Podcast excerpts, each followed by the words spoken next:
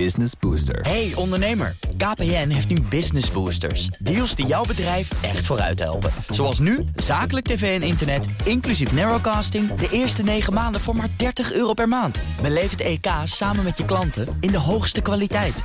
Kijk op kpn.com slash businessbooster. Business Booster. Bij bezoeken aan eh, Afghanistan. Was dat gezien en er was weer heel, heel veel leuke jasje opgekomen. Hey, maar dat is dus eh, ge- genoeg voor nu. Mark Rutte komt straks nog wel een keer terug, denk ik. Ja, dit is het antwoord van Mark Rutte op zijn eh, onzichtbaarheid. Eh, een live sessie op Instagram vanuit de wachtkamer bibliotheek van het torentje. Oké, gaan we straks veel meer over. Eerst eventjes, want jullie werden vanmorgen wakker en jullie schrokken wakker, heb ik me laten vertellen. Ja, 17,1 Leendert Beekman, procent. Sophie van Leeuwen. Ik ben Mark Beekhuis. Dit is Nieuwsgroep Den Haag. Van vrijdag 30 september. En de dag dat wij horen dat de inflatie 17,2 procent. 17,1. Ja. Nou, valt nog mee. Ja, ik moest echt twee keer lezen. Ik moest echt twee keer lezen. Wat ongekend. Ik dacht, dit is historisch. We, we zaten al op historische cijfers, maar dit... Ja, maar dat was bij 13% al het geval. Maar nu 17,1. Ongelooflijk. Echt ongelooflijk. Ik moet denken aan de Europese Centrale Bank... die jarenlang probeerde de inflatie van 1 naar 2 te krijgen. En dat lukte maar niet. En nu gaat het gewoon met, met sprongen vooruit. Van huppakee, weer 4% erbij. Eh, dat, ik weet niet wat we meemaken hier. Ja, deze week... Ik heb de kachel aangezet. Moet En- je niet doen. Doe het niet. Moet niet, nee. En ik zag een tweet van Anna, een, eh, een volger van ons, een luisteraar. En zij tweette, voor het eerst heb ik de kachel aangezet en er bewust bij nagedacht. Het was een moment. En ik had precies dezelfde dag dat ze dat tweeten. Heb ik de kachel ook aangezet en ik had ook hetzelfde gevoel. Ik zette hem aan. Ik dacht, ja, dit is, dit is echt even een momentje nu. Eh, ik heb er lang eh, mee gewacht. Ja, ik had dat dus met douchen. Dus ik heb de kachel nog uit. Ik heb eh, mijn wintertruien al uit de kast gehaald. Die heb ik aan. Maar koud douchen, dat, dat trek ik niet meer. Nee. Dus ik had hetzelfde als jij. Maar dan even die warme douche. Even aan Poetin denken. Je voelde me een beetje schuldig. Maar ja, weet je. Het, is, wat is het? September. onder een koude 30 douche staan? september. Ik heb de hele zomer koud gedoucht. Ja? Maar nu, het is 30 september. de- Ja, ik trek het niet meer. Dit was allemaal bij jullie thuis. Dan gaan we terug naar Den Haag, denk ik. Eh, is dit nog niet besproken. Of al wel een beetje. Nou ja, het energieplafond is natuurlijk eh, wel het gesprek nog steeds in, in Den Haag. En hoe gaat dat er precies uitzien? Ja, grappig hè? Dat is eh, twee weken terug aangekondigd. Ja, Vandaag Ja, zeg je, hoe gaan we dat regelen? Ik heb nieuws. Ik heb nieuws, maar het is ook niet, nog geen breaking nieuws. Ja, er komt een brief van Economische Zaken begin volgende week voor het debat, hè, de algemene financiële beschouwingen. Oh ja, dat zal wel moeten. Want dit gaat over een enorm bedrag. En dat moet toch tenminste in de begroting van de EZK worden opgenomen. Ja, Kaag moet toch wel iets van duidelijkheid geven over hoeveel ze, de, hoe duur de rekening is en hoe ze die gaat betalen. Nu is er vandaag ook een energieraad in Brussel. En dat gaat Kaag heel erg helpen. Want dan worden er afspraken gemaakt over hè, die, die winstbelasting voor energiebedrijven. Waar we hopen nog een paar miljard vandaan te kunnen sprokkelen. Ja, Ja. Dat is ook al aangekondigd hè? bij de State of the Union of de Staat van de Unie, mag je gewoon in het Nederlands zeggen. Ehm, maar ja, moest nog, dat was alleen maar een mededeling van mevrouw van der Leyen en de landen moesten nog even met z'n allen ja zeggen. Hè? Dus officieel is dat nog niet besloten. Ja, het gaat de- ook de over- overwinsten gaan afromen. Ja, en Nederland worstelt daar nog mee. Want er is aangekondigd dat wij de mijnbouwheffing gaan invoeren. Ja, gaan verhogen, die is er al. Ja, die is er al. En dat we die gaan inderdaad, dat we dat gaan verhogen. Eh, alleen, wordt dat dan echt gezien als het afromen van die winsten? Of moeten we nog een aparte regeling ehm, daarvoor hebben? Nederland wil doen het, is met niet in, het is niet in lijn met wat er in Europa wordt voorgesteld. Maar nee- die hebben het ook over winsten van kerncentrales en winsten van windmolens en dat soort zaken. Ja. Maar volgens mij is het inzet van Nederland om toch te te kijken of Europa eh, ook een oké gaat geven op de mijnbouwheffing verhogen. Is dat genoeg? Vindt Is dat- de rest van Europa dat we dan genoeg doen? Ja, en dan dat huilen, de- huilen dat Shell nu in de UK zit. Maar goed, daar hebben ze het ook heel hard nodig, dat geld natuurlijk. als, als ze dit soort Als dingen ergens gaan nodig hebben, dan is het in de UK. Maar volgens mij mogen ze het daar juist houden, toch? Krijgen Nee, ze nee, nee, die extra waren eerder dan wij. belastingkorting. In Engeland waren ze eerder met de overwinst te belasten. Oh ja, dat is ook zo. Dat is onze inspiratiebron in dit geval. Ja, maar ja, wij dus niks. Althans niet bij Shell, dus dat is jammer. Ik ben nog even de wandelgangen ingedoken. Want eh, het energieplafond is natuurlijk een idee van GroenLinks en Partij van de Arbeid. Zitten zij dan ook nu aan tafel? Hè? Want er moet nog bepaald worden hoe hoog dat plafond wordt. eh, het wat precies wordt ingericht. Hoe het precies... Niet het geval. Ze zeggen, het ligt nu echt op het bordje van het kabinet. We gaan wel zien waarmee ze terug gaan komen. En de vraag is natuurlijk ook, is dit een uitruil geweest? Hè? Dat energieplafond, bijvoorbeeld voor steun aan... eh, Het pensioenwetje. wordt echt, echt niet het geval. Eh, Echt niet? Echt niet het geval. We- Wij zouden zoiets niet doen, Oké. heb ik gehoord. Ik hoor, ik hoor nog even eh, eh, over de energierekening voor het MKB. Dat is nog het grote vraagteken. Daar ligt een toezegging van minister Adriaansens. Ik hoor dat, er, dat, er, dat ze nu op twee sporen zitten. Eh, of een, ja, een, een, zeg gewoon een prijsplafond. Dus voor iedereen generiek. Dus wel uitvoerbaar. Maar dat zou misschien wel 10 miljard euro kunnen kosten. Dat vindt Sigrid Kaag niet leuk. Kan eigenlijk niet. Of toch gericht compenseren. De MKB'ers, hè, denk aan de bakkers. Sauna-bedrijven en de slagers. Hè, dat zijn de drie die je steeds moet noemen. Is verplicht. Ja, ja. Dat zou dan misschien 2 miljard maar kosten. Dat, dat kunnen ze nog wel leien bij financiën.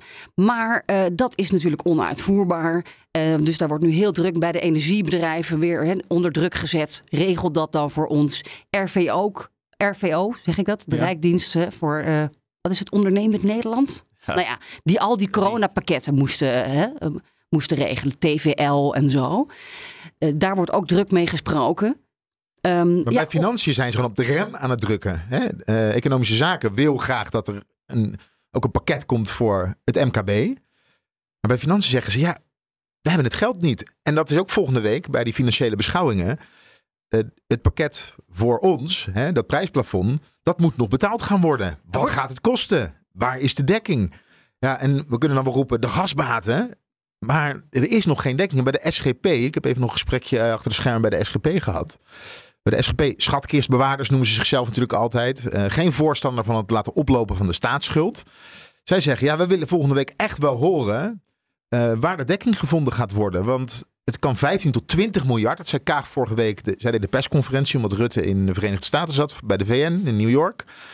Ze, dus ze liet 20 miljard vallen. 15 tot 20 Ja, miljard. in de dit, documenten eh, stond eerst 10 tot 15 miljard. Ja, maar zij hadden Dus echt, zij doet het op. MKB-bedrag er meteen al bij. Ja, misschien wel. Misschien wel.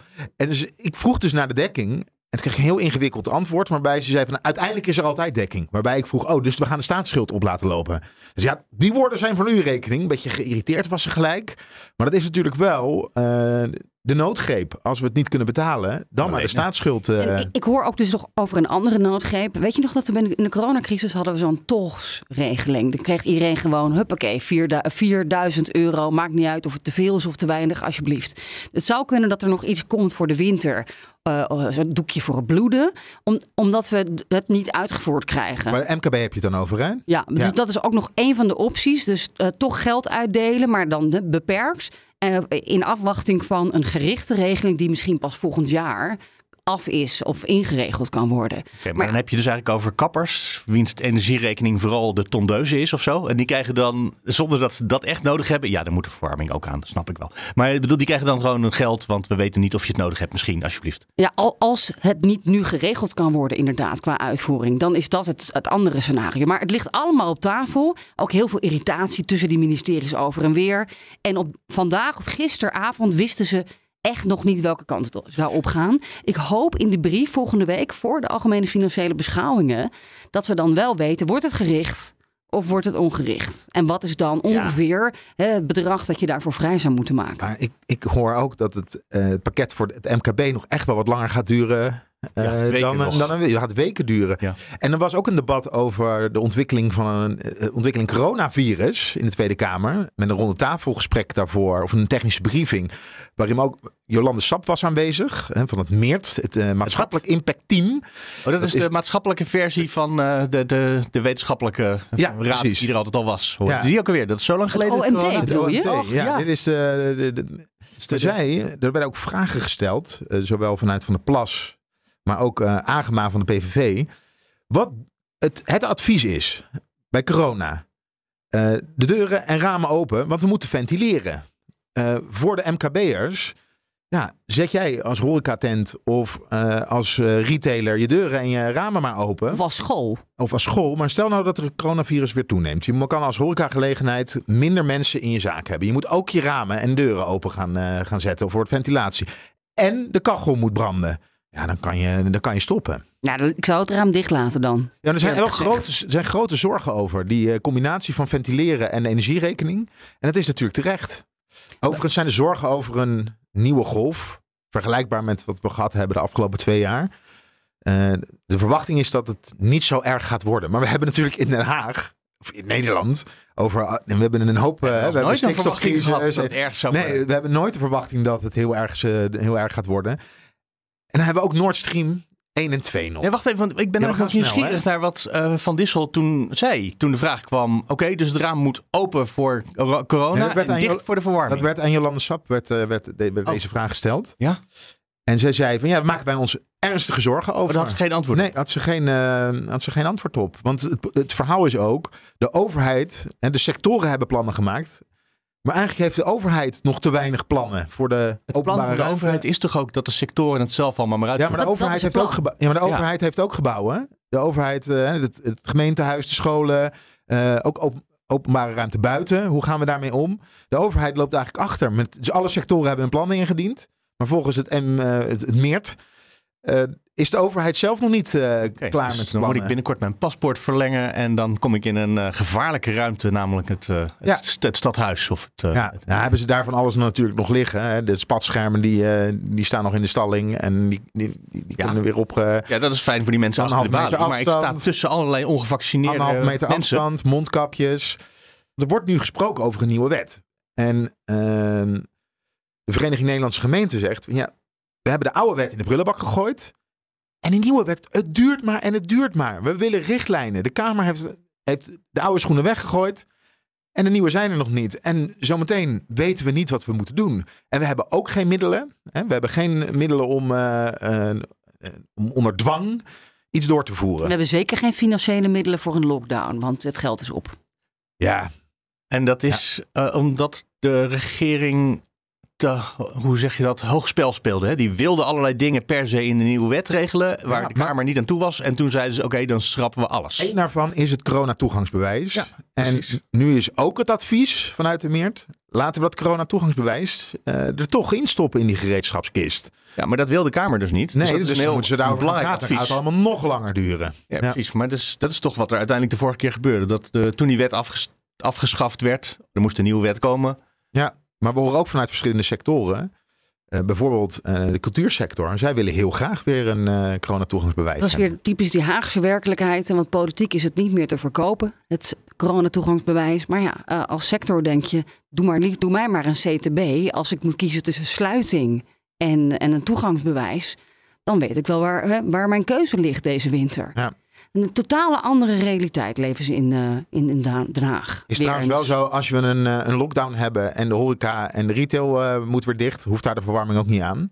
Dus wat dat betreft is er dan ook geen pakket nodig voor, eh, voor, eh, voor het MKB.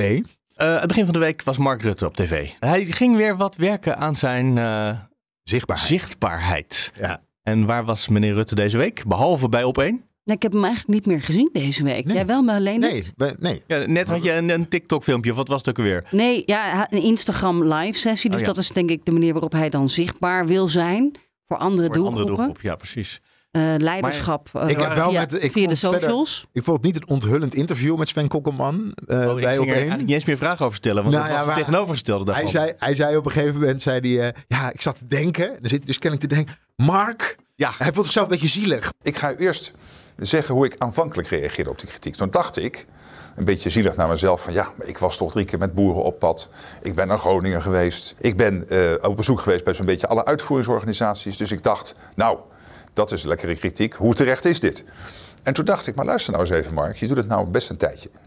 Als nou mensen zeggen, waar was die Rutte? En had je niet, dan is dat meestal terechte kritiek. ik vind het echt fantastisch geformuleerd. Maar ik ben toch gewoon drie keer met boeren op pad geweest. Alsof dat iets aan de wereld verandert. En ik was daar niet eens bij uitgenodigd trouwens. Jij. Maar het gaat er natuurlijk om, en dat zei ik ook al tijdens ons Prinsjesdag interview vorige week met Rutte en Lisbeth Staes. Van, u moet leiderschap tonen. Dus eh, al eerder dit jaar gewoon zeggen: jongens, ga rustig slapen. Wij zorgen voor jullie. Voor die Maar dat is niet van energierekening. plan. Dat is whatever niet wat hij aan het doen Maar daar is. hebben we ook kritiek op gehad. Want Jette zei eigenlijk, ga maar rustig slapen. Hè, we, we- we- er is nog helemaal geen gascrisis. We hebben geen eh, die, die, die scenario's die we hebben. We zitten waar Duitsland was al lang opgeschaald.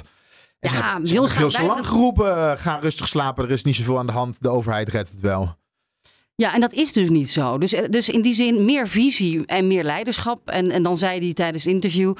ja, hè, en bij van de VVD zijn meer van de, de reis dan... dan hè, De bestemming, ja. De bestemming. En dan denk ik, ja, Het is heel zen. ja... Het, ja, het is heel zen, maar wat, wat koop je daarvoor als, als burger? Want uiteindelijk wil je natuurlijk wel hè, een gevoel van zekerheid of van veiligheid. En, en daar heeft hij toch niet goed op geanticipeerd. Ehm, ja, deze week dus eh, een Instagram-sessie. Volgens mij is hij nog bij een M- eh, MBO-school op bezoek geweest. Dat is volgens mij de, zijn andere carrière-droom. Ja, hij gaat lesgeven als die... Maar er, er waren geen eh, belangrijke ontmoetingen met eh, topleiders in Europa of met eh, iets met de coalitie. Heeft Ah. hij, ja, hij zal vast heel hard werken, daar gaat het niet om. Maar Aanstaande maandag heeft hij een, een diner op het katshuis met eh, Michel. Dus dat is hè, de baas van de Europese eh, Raad. En eh, ja, dat, dat is wel een belangrijk moment natuurlijk, omdat hij als, als een kan van zich de ook weer even laten zien. langzittende leiders, eh, nou, denk ik, hè, een belangrijke Mhm. stem heeft in Europa. Maar ja, volgende week is natuurlijk eh, de week van Remkes. Ja, dan gaan we Rutte ook niet zien. Dan gaat het over Remkes en dan gaat het over Van der Wal en misschien de nieuwe minister van Landbouw. Ja, Dus, denk ja, je dat we was- Rutte dan niet gaan zien? Ik denk dat dat... Ja, was Ja, de stikstofcrisis inmiddels niet zo groot dat Mark Rutte daar in het project zit? Ja, dat, dat, ik ik Ja. vraag me af of hij die persconferentie gaat doen. Hij ging zich er meer tegen aan bemoeien. Nee, hij gaat de persconferentie niet doen. Volgens mij eh, krijgen we gewoon een krijgen Remkes. Eerst om 12 uur mogen de journalisten naar Nieuwsport komen. Ja. Mogen we het rapport lezen, we hebben een uurtje voor. Eh, dat is de- hoop ik goed nieuws. Dat het niet een al te dik rapport gaat worden. Want we weten eigenlijk niet eens wat het rapport is of een aanbeveling. Of nou, wat het dan moet gaan worden. Dat is nog totaal onduidelijk. En dan hebben we om 1 uur hebben we de persconferentie van, eh, van Remkes. En het lijkt mij niet dat Rutte daarbij zit. Het is namelijk een, adv- ja, een advies of Een advies aan Rutte. Misschien neemt hij Ja. het in ontvangst bij gebrek aan minister van Landbouw. En Nee, is De- We Landbouw. hebben, ja, we hebben een minister van Landbouw. eh, Ad interim, maar ja. toch.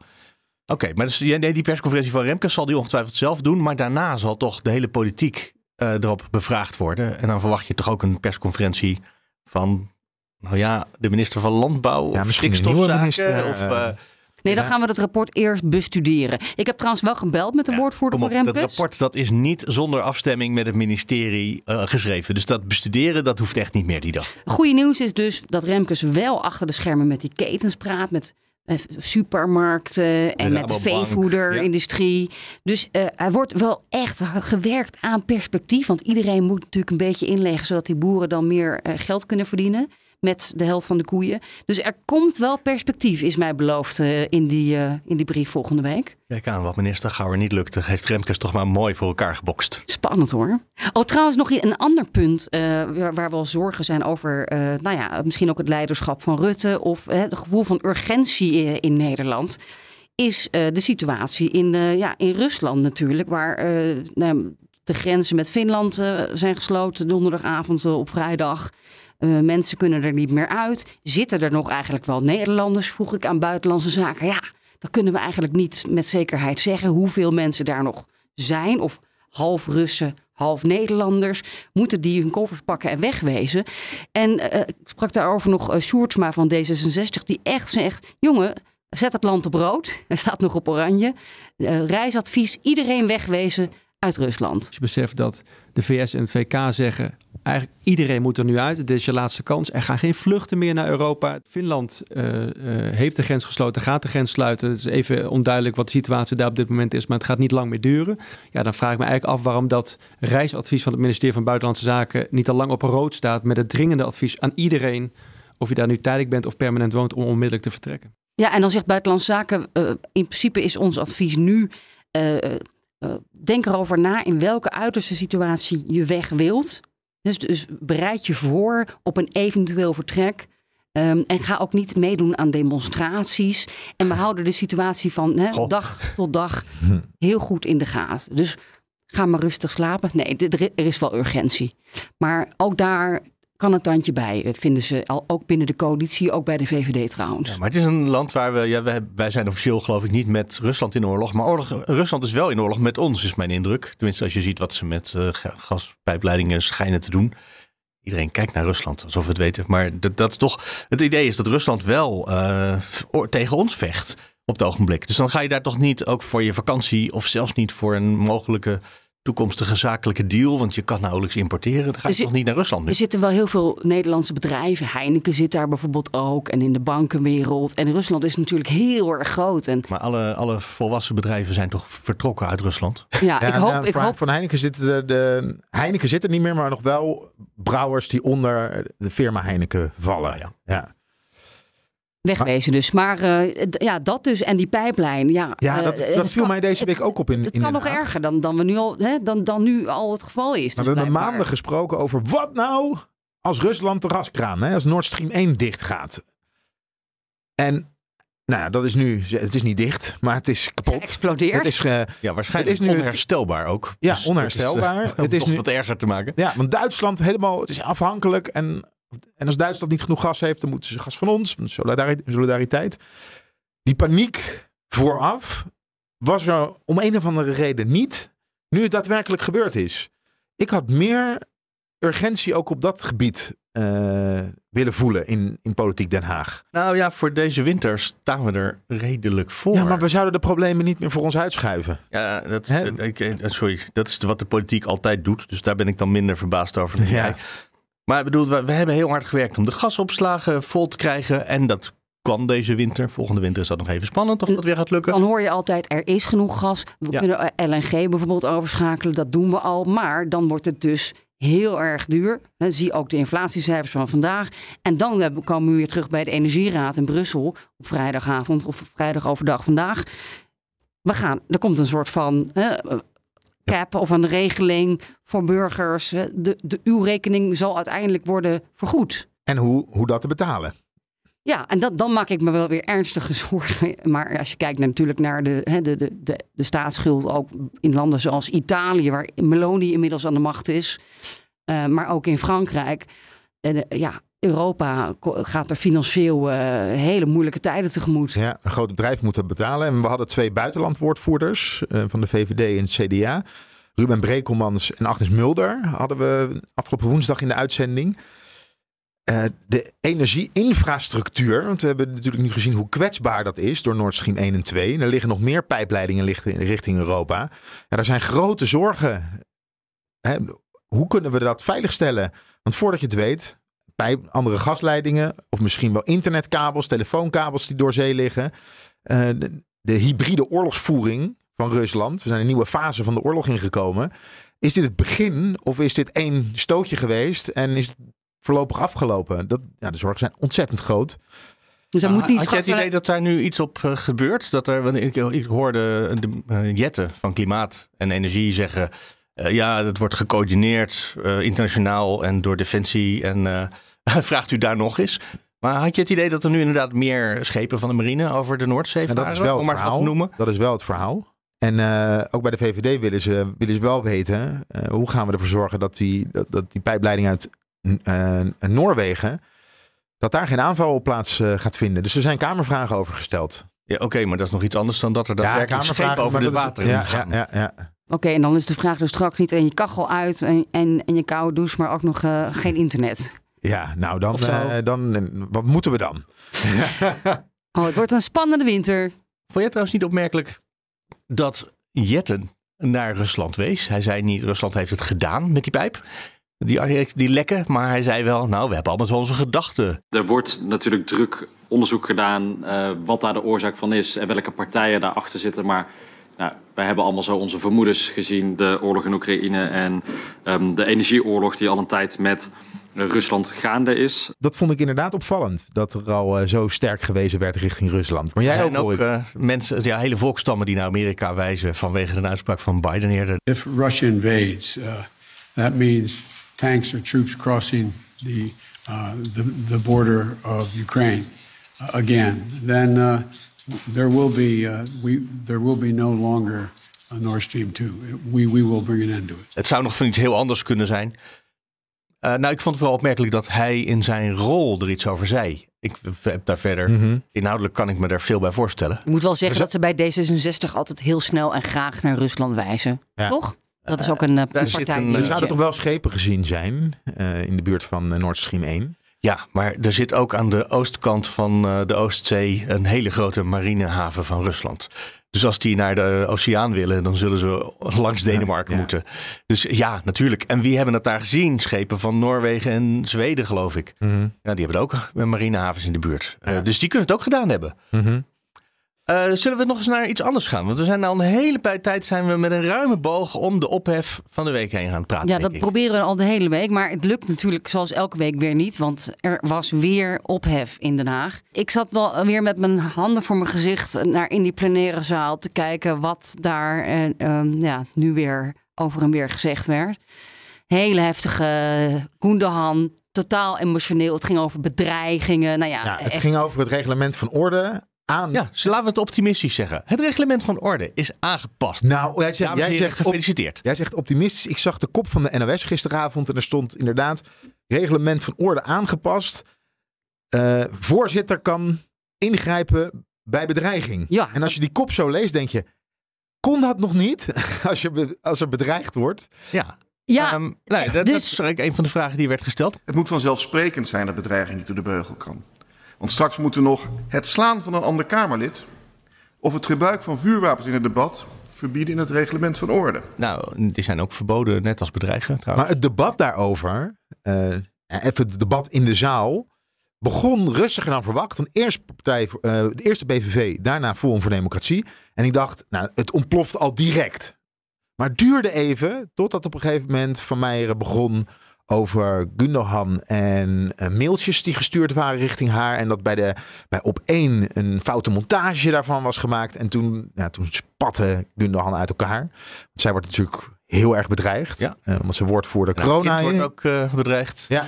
En, ja, en toen was het gewoon weer de Tweede Kamer op zijn lelijkst. Oké, dit was voor de verandering van het reglement van orde. Is het reglement van orde, heeft dat iets veranderd? Zou het volgende debat Nou, dit- niet deze Nou explosie gaat, gebeuren? Dat gaat natuurlijk eh, niet per se veranderen. Want je kunt natuurlijk eh, iedereen bedreigen. En dan vervolgens kan de voorzitter jou het woord ontnemen. Nou, ik denk dat Bergkamp nu heeft geleerd dat ze dat iets sneller moet doen. Misschien ook dan vorige week het geval was. Bij de algemene politieke beschouwingen. Hè, toen het kabinet liep, ja, maar daar wegliep. waren geen bedreigingen. Dit gaat echt over de opmerking eh, die Van Houwelingen maakte.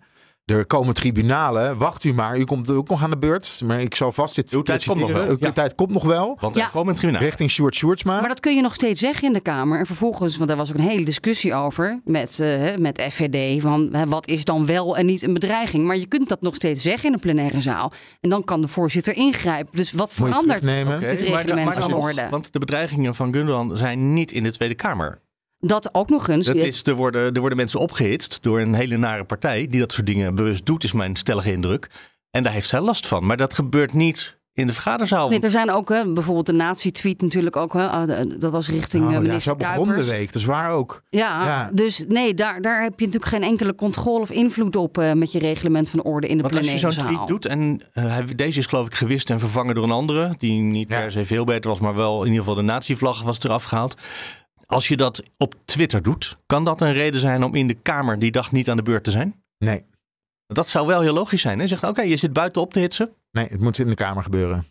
Ja. Ja. Ik, ik ben nog het niet heel optimistisch over de, de sfeer in de, Ja, in de het- Tweede het Kamer. begon natuurlijk met heel veel ophef.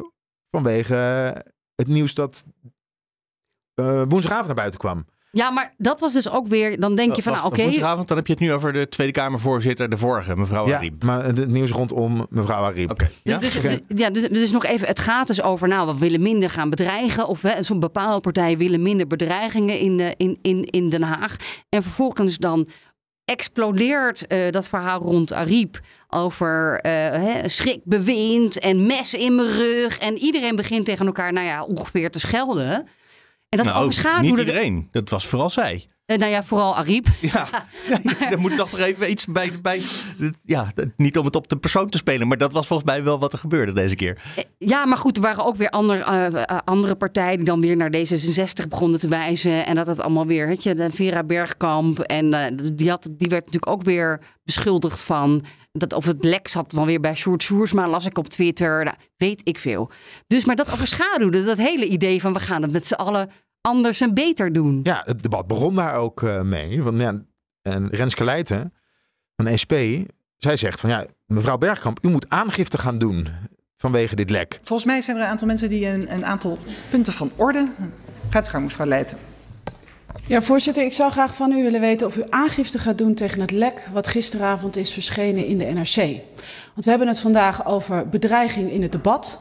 Maar als er iets bedreigend is, dan is het een lek in een krant waartegen je je niet kan verweren.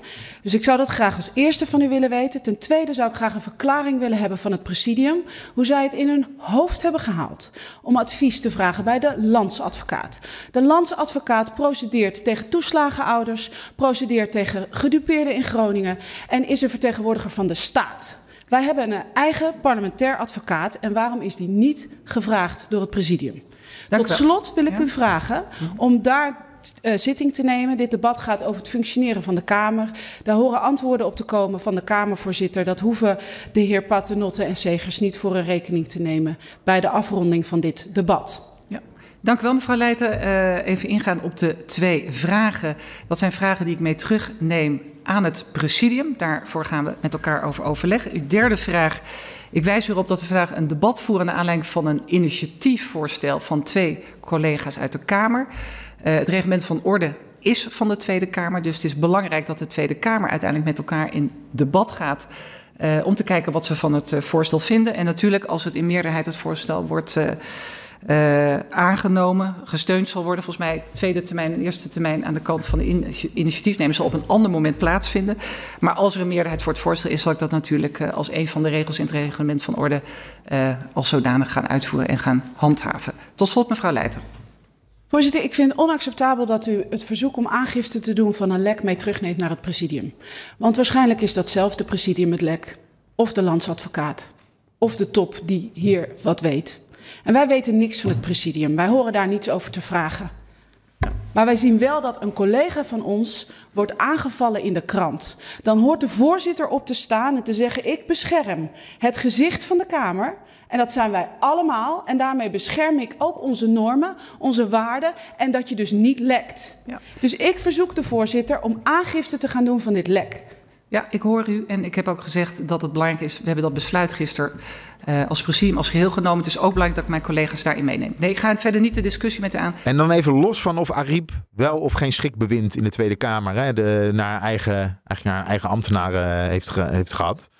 Uh, het is natuurlijk heel onveilig. En het gaat over veiligheid, een veilige werkomgeving.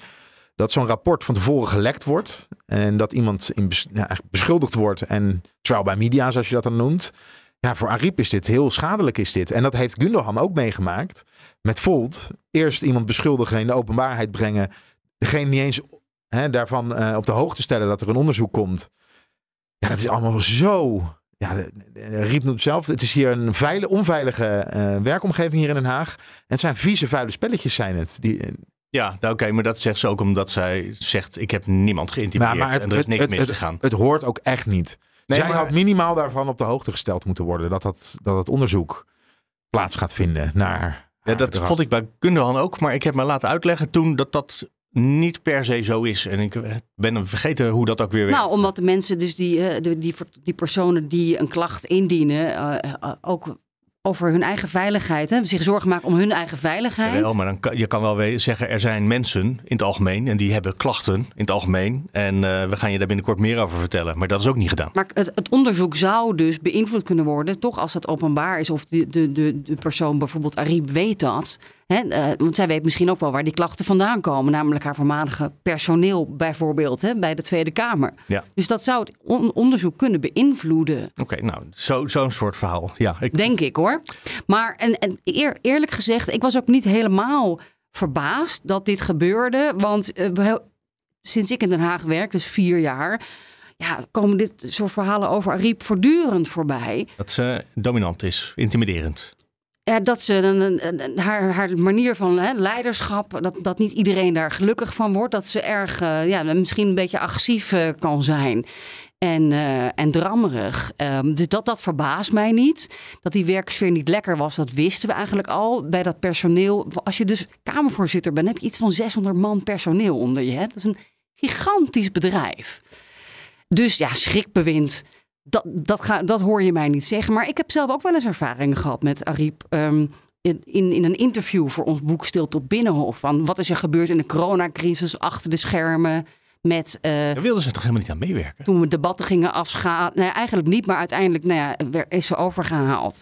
En, en, en waarom dat die debatten waren afgeschaald. En waarom eh, dat quorum, waarom je niet digitaal mocht stemmen. eh, dat was Ja. namelijk een advies aan haar. Dat had ze in de wind geslagen. Er was ook gedoe in die periode over de verhuizing hè, Nou. van de Binnenhof naar de tijdelijke Tweede Kamer. Prachtige gebouw waar jullie nu zitten. Ja. En er was zoveel gedoe achter de schermen. Ja. En nou ja, zei, ik was niet verbaasd dat er ook mensen zich eh, geïntimideerd voelden en misschien wel zo'n klacht ergens zouden gaan eh achterlaten. Nou, dus ik hoor in die gesprekken ook wel eens over hoe dat dan gaat met Ariep. En als je dat opschrijft, dan vervolgens hebben we dat gedaan en ook aan haar voorgelegd.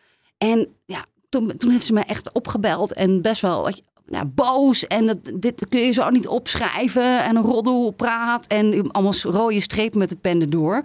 Nou ja, gewoon wel. Eh, ik voelde me daar best wel door ehm, geïntimideerd. Ehm, en, en ik heb dat nog nooit bij iemand anders zo meegemaakt in de Tweede Kamer. Dus het is een bepaalde stijl die ze heeft. Ja. Nogmaals, ik noem het geen schrikbewind, dat weet ik niet. Maar, nee, maar die je wel. hebt geen afhankelijkheidsrelatie met haar natuurlijk. Stel je voor ze jouw chef is, Nee, gelukkig niet. dan, eh, dan is het leven anders.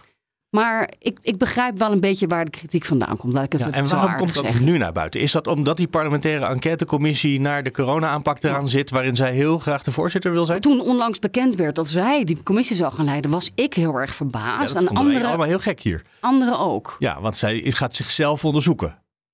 Was Ook ik dat. een goede voorzitter?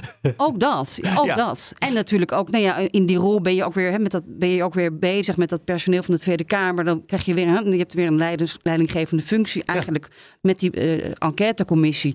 Waardoor je toch weer misschien met je voormalige personeel in aanraking komt. Maar zou dat de de reden zijn dat het nu naar buiten komt? Om te voorkomen dat zij de voorzitter wordt van die commissie? Ze Dat de- denk ik wel. Zij is voorzitter van de voorbereidingscommissie. Dat is nog niet de uiteindelijke Ja, commissie. En meestal is dat wel dezelfde commissie. Het is trouwens wel een commissie waar misschien ook niemand zin in had. Want volgens mij zitten eh, eh, alle maar corona-ontkenners zitten ook in de, in de enquêtecommissie. Toch van Forum en Ja, van Forum Hagen. zit erin. PVV, omzicht. Dus eh, het wordt een helve job. Dus op zich ook respect. En misschien ook wel heb je iemand als Ariep nodig... die als Ja. kamerzitter wel gewaardeerd eh, werd. Hè? ja, ja. Eh, die gewoon met harde hand daar optreedt. Dus dat, zo kun je het ook zien. Hè?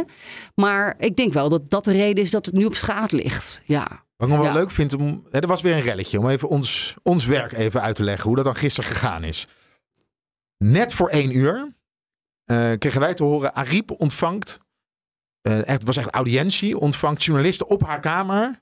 Voor een exclusieve interview. Kan je één, één op eentjes kan je Je krijgen. kunt dus niet met elkaar meeluisteren... wat andere mensen willen Nee. weten en vragen. Nee, dus je, ehm, maar goed, ik had, want ik ging gisteren een interview doen over de arbeidsmarkt. Ik had een, eh, een voorgesprek om één uur.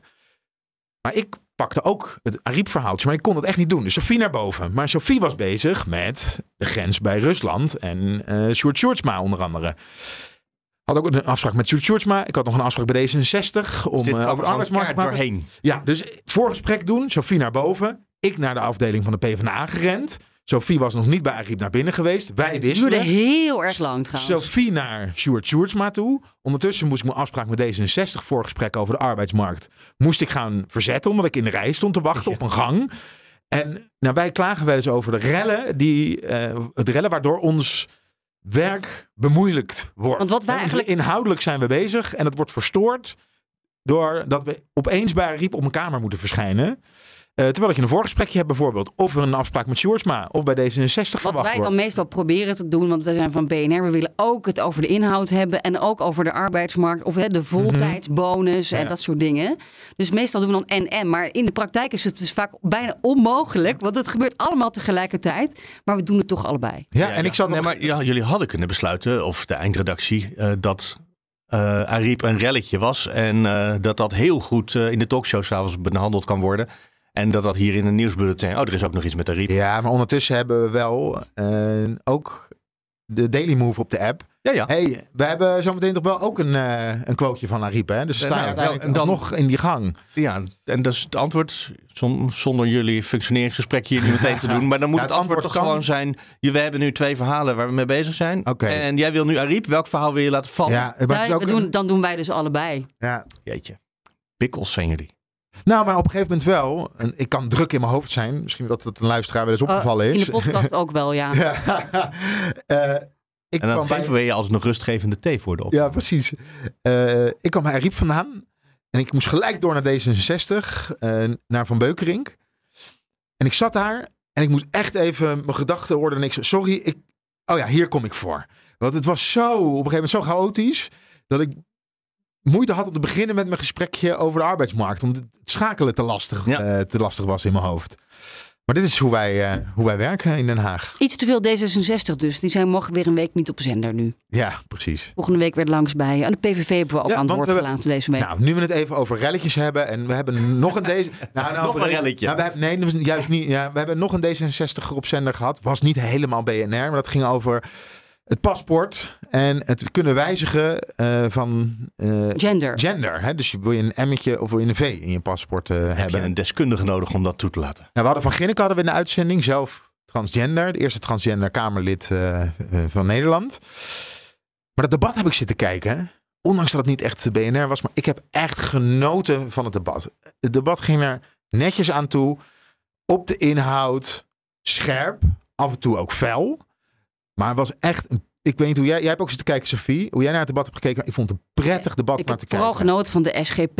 En, en eh, ook hè, of God nou wel of niet in de zaal was. Dat was Ja. een discussie met Sylvana Simons en eh Bisschop van de SGP. Voorzitter, als kind van ouders die ehm, mij hebben opgevoed met zeer veel respect voor spiritualiteit en al haar verschijningsvormen, wil ik bezwaar maken tegen de preek van de heer Bisschop eh, in het licht van dit debat. In Nederland herkennen wij de scheiding van kerk en staat en dat is maar goed ook, want als de heer Bisschop zegt dat wij niet vrijelijk kunnen, en ik gebruik nu mijn eigen woorden, rommelen met de beeltenis van God dan wel van zijn zoon, voorzitter, dan moet ik gewoon heel hard lachen. En ik kan de heer Bisschop verzekeren dat zijn God er heel anders uitziet dan de mijne, aangezien we allen in diens, eh, wat is het ook alweer, in diens evenbeeld geschapen zijn. Met andere woorden, er wordt vrijelijk gerommeld met de beeltenis van deze spiritueel eh, hoge figuren. Dat gezegd hebbende, voorzitter, wil ik de vraag stellen aan de heer Bisschop of hij zijn eigen vraag wil beantwoorden. Kijken wij slechts naar een gedeelte van de mens? Of kijken wij naar het hele zijn van een persoon? Ik zou de vraag aan de heer Bisschop willen stellen: als hij de woorden die hij hier zojuist uitspreekt vanuit het diepst van zijn hart meent, wat is dan eigenlijk zijn bezwaar tegen de zelfbeschikking van burgers Dank u wel. in het identificeren van wie zij zelf zijn. heer Wat maakt het de heer Bisschop uit wat ik in mijn paspoort heb staan? Eigenlijk. Voorzitter, ehm, laat ik dan mijn betoog eh, voor mevrouw Simons kort proberen samen te vatten. De kernbezwaren ehm, eh, die ik, eh, zijn van, van juridische en maatschappelijke aard. Je bent niet alleen maar een individu. Je, hebt ook, je functioneert ook in de sociale maatschappelijke context. Jouw keuze voor eh, geslachtsregistratie heeft consequenties voor jouw omgeving. En daarom eh, dringen wij aan op een zorgvuldige procedure. En dat bepleiten wij dat ehm, de subjectieve beleving van mensen, die ook nog eens een keer wisselend kan zijn, dat kan geen criterium zijn. En dus zeggen wij terug naar de basis. En dat is, God schiep hen, man en vrouw. En eh, om dat te realiseren, hoef je niet eens eh, in God te geloven, de God die ik beleid. Dat wordt ook niet gevraagd. Maar dat is wel de essentie waar de samenleving op gebouwd is, waar de wereld op steunt. En dat moet je niet achterloos naast je neerleggen. Mevrouw Simons. Voorzitter, nogmaals wil ik de heer Bisschop uit zijn droom helpen. God heeft geen deel aan dit debat. Niet. Maar ik zal mijn vraag herhalen. Wat maakt het de heer Bisschop uit wat ik in mijn paspoort heb staan? Heer Nou, Bisschop. Voorzitter, ehm, eh, mevrouw Simons maakt in elk geval niet uit of God wel of niet eh, toeziet op dit de- debat. Ik kan u verzekeren dat dat wel het geval is. Als u dat niet gelooft, staat u dat vrij. Maar eh, alleen al het feit dat ik het benoem, heeft daar bewijst het tegendeel. Ehm, en wat maakt het uit wat iemand in het paspoort heeft staan? Omdat een individuele keuze maatschappelijke consequenties heeft. Maatschappelijke consequenties voor uw omgeving, voor de omgeving van mevrouw Simons, voor de samenleving als geheel. En uh, je organiseert de verwarring uh, als je uh, een, een, objectief criterium zoals er is, man-vrouw, met alle mitsen en maren die daar ook omheen zijn, dat heb ik ook benoemd in mijn betoog, als je daar die maar zo even terzijde schuift, moet je niet doen. Tot slot mevrouw Simons. Ik zal nogmaals herhalen, ik vind het erg belangrijk dat dat weer gesproken wordt. In dit huis neemt God niet deel aan dit debat. Niet. Scheiding van kerk en staat. Nee, dus complimenten aan de Tweede Kamer. Het kan wel. Ja, en dan zie je ook, uh, van tevoren lees je je in bij zo'n debat. En heb je zelf ook wel ideeën over, uh, over, het voor, over de, de wetswijziging die voor ligt. Maar dan in het debat word je zelf ook nog verrast door, door Kamerleden. Nicky Pauverwij vond ik bijvoorbeeld heel sterk. Uh, zij heeft zelf een medische achtergrond. Ja, 21. Uh, ja, ja, 21 jaar. Vond ik zelf heel sterk. Zij zei namelijk, ja, we hebben natuurlijk en je, je, je, identiteit, hoe voel je je, maar je hebt ook de medische kant nog. Hè. Je bent nou eenmaal biologisch een man of een vrouw. Ja. En dat heeft ook gevolgen voor bijvoorbeeld als je in een ziekenhuis terechtkomt. Dus zou je niet ook uh, in het paspoort moeten zeggen, dan staat letterlijk geslacht, man of vrouw.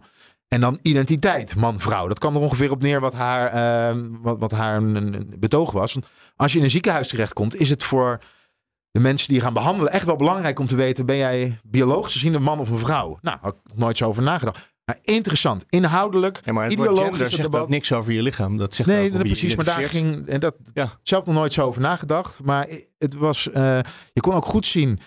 Uh, wat zijn nou de ideologische achtergronden van partijen? Dat hoorde je echt terug. En dat vind ik heel leuk om naar te luisteren. Maar hoorde je terug in de betogen. Komt er nou een compromis of zetten VVD en CDA nou gewoon een streep door? Hè, dat gaat dus over die X, maar dan dat je dat zelf kunt bepalen zonder uh, Tussenkomst van een. Uh, ja, er zijn, arts. twee, er zijn twee grote struikelblokken. de ene is de leeftijdsgrens, 16. Te jong. Te jong. En de ander is moet je toch niet eventjes langs een deskundige of even met iemand praten. En daar gaat waarschijnlijk een, een, een, een compromis komen. Je hoeft Ja. niet een verklaring te hebben, maar je moet wel even een gesprekje hebben. Met iemand. op. Met, ons, iemand. met, met de podcast van BNR bijvoorbeeld. Ja, je moet wel even een gesprekje hebben. En ik kan me zo voorstellen dat die leeftijdsgrens wel omhoog gaat. Dat dat van 16 naar 18 uh, zou gaan. Nou ja. Maar geen BNR-onderwerp. Maar wel als je gewoon als je de, de politiek zat bent. En je denkt, ik wil geen debat meer zien waar de hele tijd eh, ook iedereen elkaar uitmaakt voor, uh, nou ja, you, you name it. Ga dit debat even terugkijken. Oké. Okay. Laten we dat doen. Weet je, en gisteren, zegt... nog één, nog één puntje. Ja? Gisteren is er is ook misschien wel geluisterd naar, uh, door Leon de Jong van de PVV. Naar onze podcast vorige week. Zo. Ja, want hij zei uh, gisteren in het debat over de arbeidsmarkt tegen uh, minister van, van Gennep. Van Gennep zei, ja, hij, zei, hij zei tegen Van Gennep: Ik hoor u alleen maar naar brieven verwijzen. En u krijgt, ik krijg geen antwoorden op mijn vraag. en daar hebben wij het vorige week natuurlijk ook over gehad. Dat, het, ja, dat, ja, dat is een strategie die vaker voorkomt. Ja, die komt vaker voor. Maar het viel mij, uh, het viel mij op. Ja, Leon de Jong trouwens van de Commissie Sociale Zaken, die ontkende dat, of niet helemaal, dat zij het ja, lek wij zijn hadden, wij hadden bij een, Ariep. Moeten we, het goed, moeten we het goed inleiden? Wij hadden ook een complottheorie. Wij, wij dachten, wie zou nou belang hebben bij het verhaal over Ariep lekken? Iedereen wees naar D66 en wij dachten, ja, misschien wel PVV. Ze hebben nog. Uh, ze, ten eerste vinden ze het vervelend dat er de hele tijd gelekt wordt. Nou, dan kan je het zelf ook eens een keer doen om uh, te laten zien van hé, hey, dit zo vervelend kan het zijn. D66. Hadden hè? ze zelf uh, graag Kamervoorzitter willen worden, ja. Martin Bosma. Had... Wat een hele goede Kamervoorzitter is trouwens. Ja, dus daar hadden ze misschien ook wel belang bij. En het was vlak voor het debat over de omgangsnormen. Uh, waardoor ook dat debat weer een klein beetje op stelte stond. En waar zij het absoluut niet mee eens zijn dat die omgangsnormen veranderd zouden gaan worden. Dus dachten misschien zit het lek wel bij de PVV. En maar nogmaals, dit was een complot, onze, ons complottheorietje. Ja. En natuurlijk met als doel om Vera Bergkamp uh, te beschadigen. Te beschadigen. Ja, maar, goed, maar jullie dat... dachten niet, het is weer de landsadvocaat natuurlijk. Want die hebben dit soort stukken. Die hadden advies gegeven. Ja, dan, dan gaat wel vaker wat mis bij de landsadvocaat. Ja, dat zou uh, Pels rijken. Die misschien ook nog iets af te en afrekenen heeft. Met, uh, of, een rancuneus uh, medewerker van de Tweede Kamer. Nou, ja, dus, dus het was maar een complottheorie. Sorry. Okay. Hey, jullie uh, gaan dus dan, als je te veel dingen hebt, gewoon alles doen. Ik, had, ik, ik zou deze week veel meer hebben willen kijken naar het, uh, de parlementaire enquêtecommissie over gaswinning in Groningen. Die, zijn, die verhoren zijn ook weer gaande. En daar zijn deze week toch best wel wat uh, spannende onthullingen uitgekomen. Ik heb niet alles kunnen zien, zei ik al, misschien maar een derde. Praat me even bij. Nou, allereerst was er meer Alders, die echt woedend was uiteindelijk. Vanuit welke functie? Uh, hij was daar de Nationaal Coördinator Groningen. Het ging over hoe de dat bedoeld was. versterkingsoperatie. In uw dossier ziet u dat ik dat, dat, dat op een bepaald moment ik echt het idee heb dat we belazerd worden. Ik kan geen ander woord gebruiken. Maar dat alles ge, ge, gebruikt wordt om te vertragen, om het klein te krijgen en noem maar op.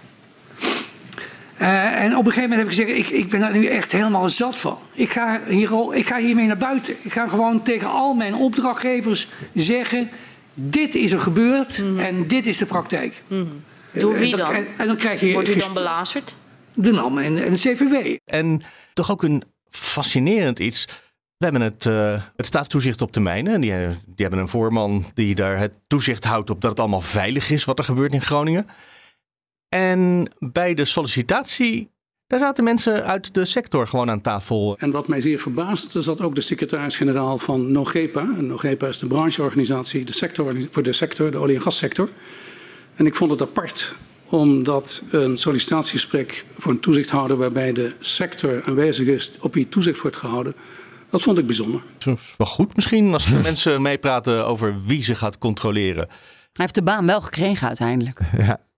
Ja, nou, is die goed, kijk, goed bevonden. De, de, de, ambtenaar die daarover vertelde uiteindelijk... want eerst was het dus de, de, de man van staatstoezicht die dat vertelde... en de dag daarna werd de, de ambtenaar die dat gesprek had georganiseerd... die daar eigenlijk zelf ook verbaasd over was. Wat gek is, want hij had het gesprek georganiseerd.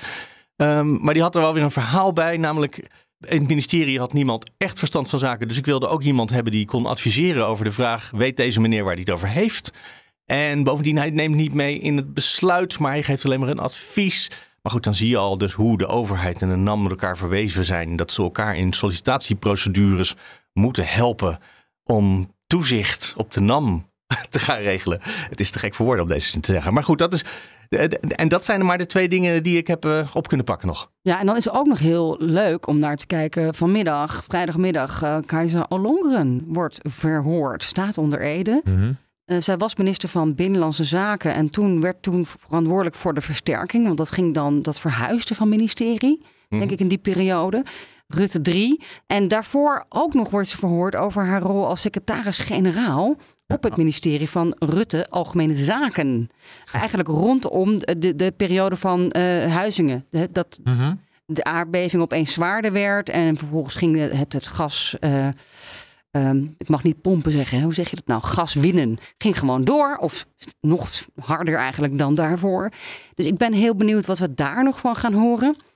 Maar zij staat natuurlijk wel iets meer op afstand, want ze zat niet op economische zaken, maar algemeen. Algemeen belang. Rutte, de vertrouweling van Rutte natuurlijk ook. Ja, ja dit is heel spannend wat daar gaat gebeuren. Weet Geen idee. Maar vanmiddag weten we dat pas. Dus uh, nou, pak je debat direct uh, mm -hmm. van de Tweede Kamer er even. Ja, en dan gaan we weer misschien iets meer van de zichtbaarheid van Rutte.